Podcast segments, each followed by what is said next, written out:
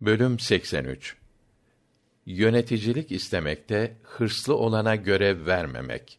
Hadis 680 Ebu Musa el-Eş'ari Allah ondan razı olsun şöyle demiştir.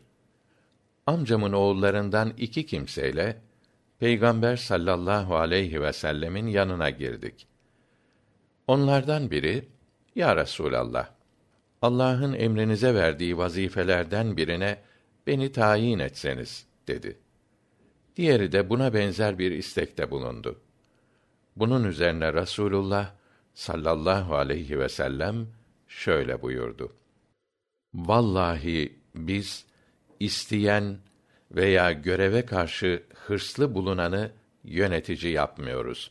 Memuriyet vermiyoruz.''